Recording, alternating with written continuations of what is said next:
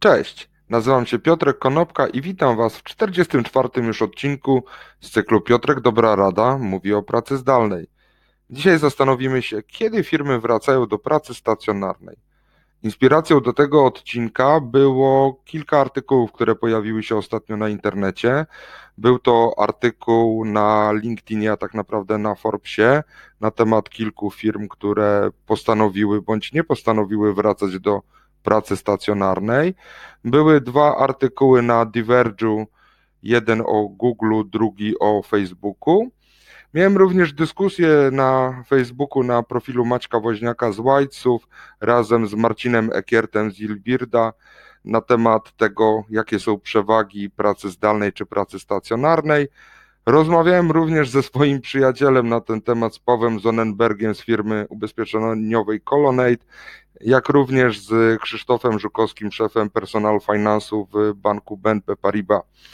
E, dodatkowo moją uwagę zwróciły wypowiedzi Agaty Szczepańskiej-Jochemczyk i Marty Łukawskiej-Daruk, które właśnie dyskutowały na temat tego, czy zmiana, którą dostrzegamy w przejściu z pracy stacjonarnej do pracy zdalnej, w ogóle jest ciekawym eksperymentem e, społecznym.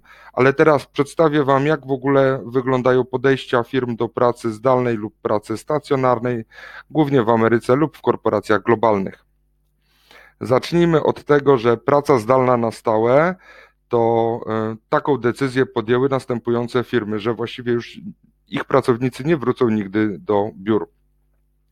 Jest to Twitter, Twittera znacie, a tak samo Facebook, blisko 48 tysięcy pracowników będzie miało możliwość pracowania z domu. Jest jeszcze Coinbase. Coinbase to jest platforma wymiany e, walut wirtualnych z miliardem dolarów e, obrotu rocznego. Square jest to firma, która ma 5 miliardów obrotu, także też znaczący gracz na rynku. Shopify, e, czyli taka platforma e-commerce'owa, 1,5 miliarda dolarów obrotu, również znacząca firma.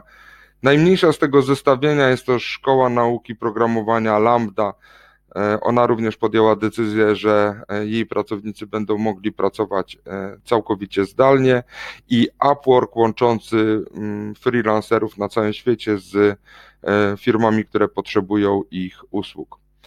Jeżeli chodzi o firmy, które podjęły decyzję, że do jesieni 2020 roku będą pracownicy pracowali zdalnie, to te firmy na pewno znacie. Amazon, największa firma na świecie. Dalej Slack. Pewnie część z Was w ogóle korzysta ze Slacka do pracy zdalnej. E, również jest Capital One. Capital One jest to piąty największy bank wydający karty kredytowe w Stanach Zjednoczonych. Ma jakieś 28 miliardów e, obrotu, e, przychodu w ciągu zeszłego roku, także to też jest bardzo duża firma. No i oczywiście Microsoft, większość z nas korzysta z tego oprogramowania. Firmy, które mówią, że do końca 2020 roku pracownicy będą mogli pracować z domu, a później to się zobaczy, to są e, takie firmy jak ClassPass, e, to jest firma związana właśnie też z edukacją na, z miliardem e, dolarów wyceny.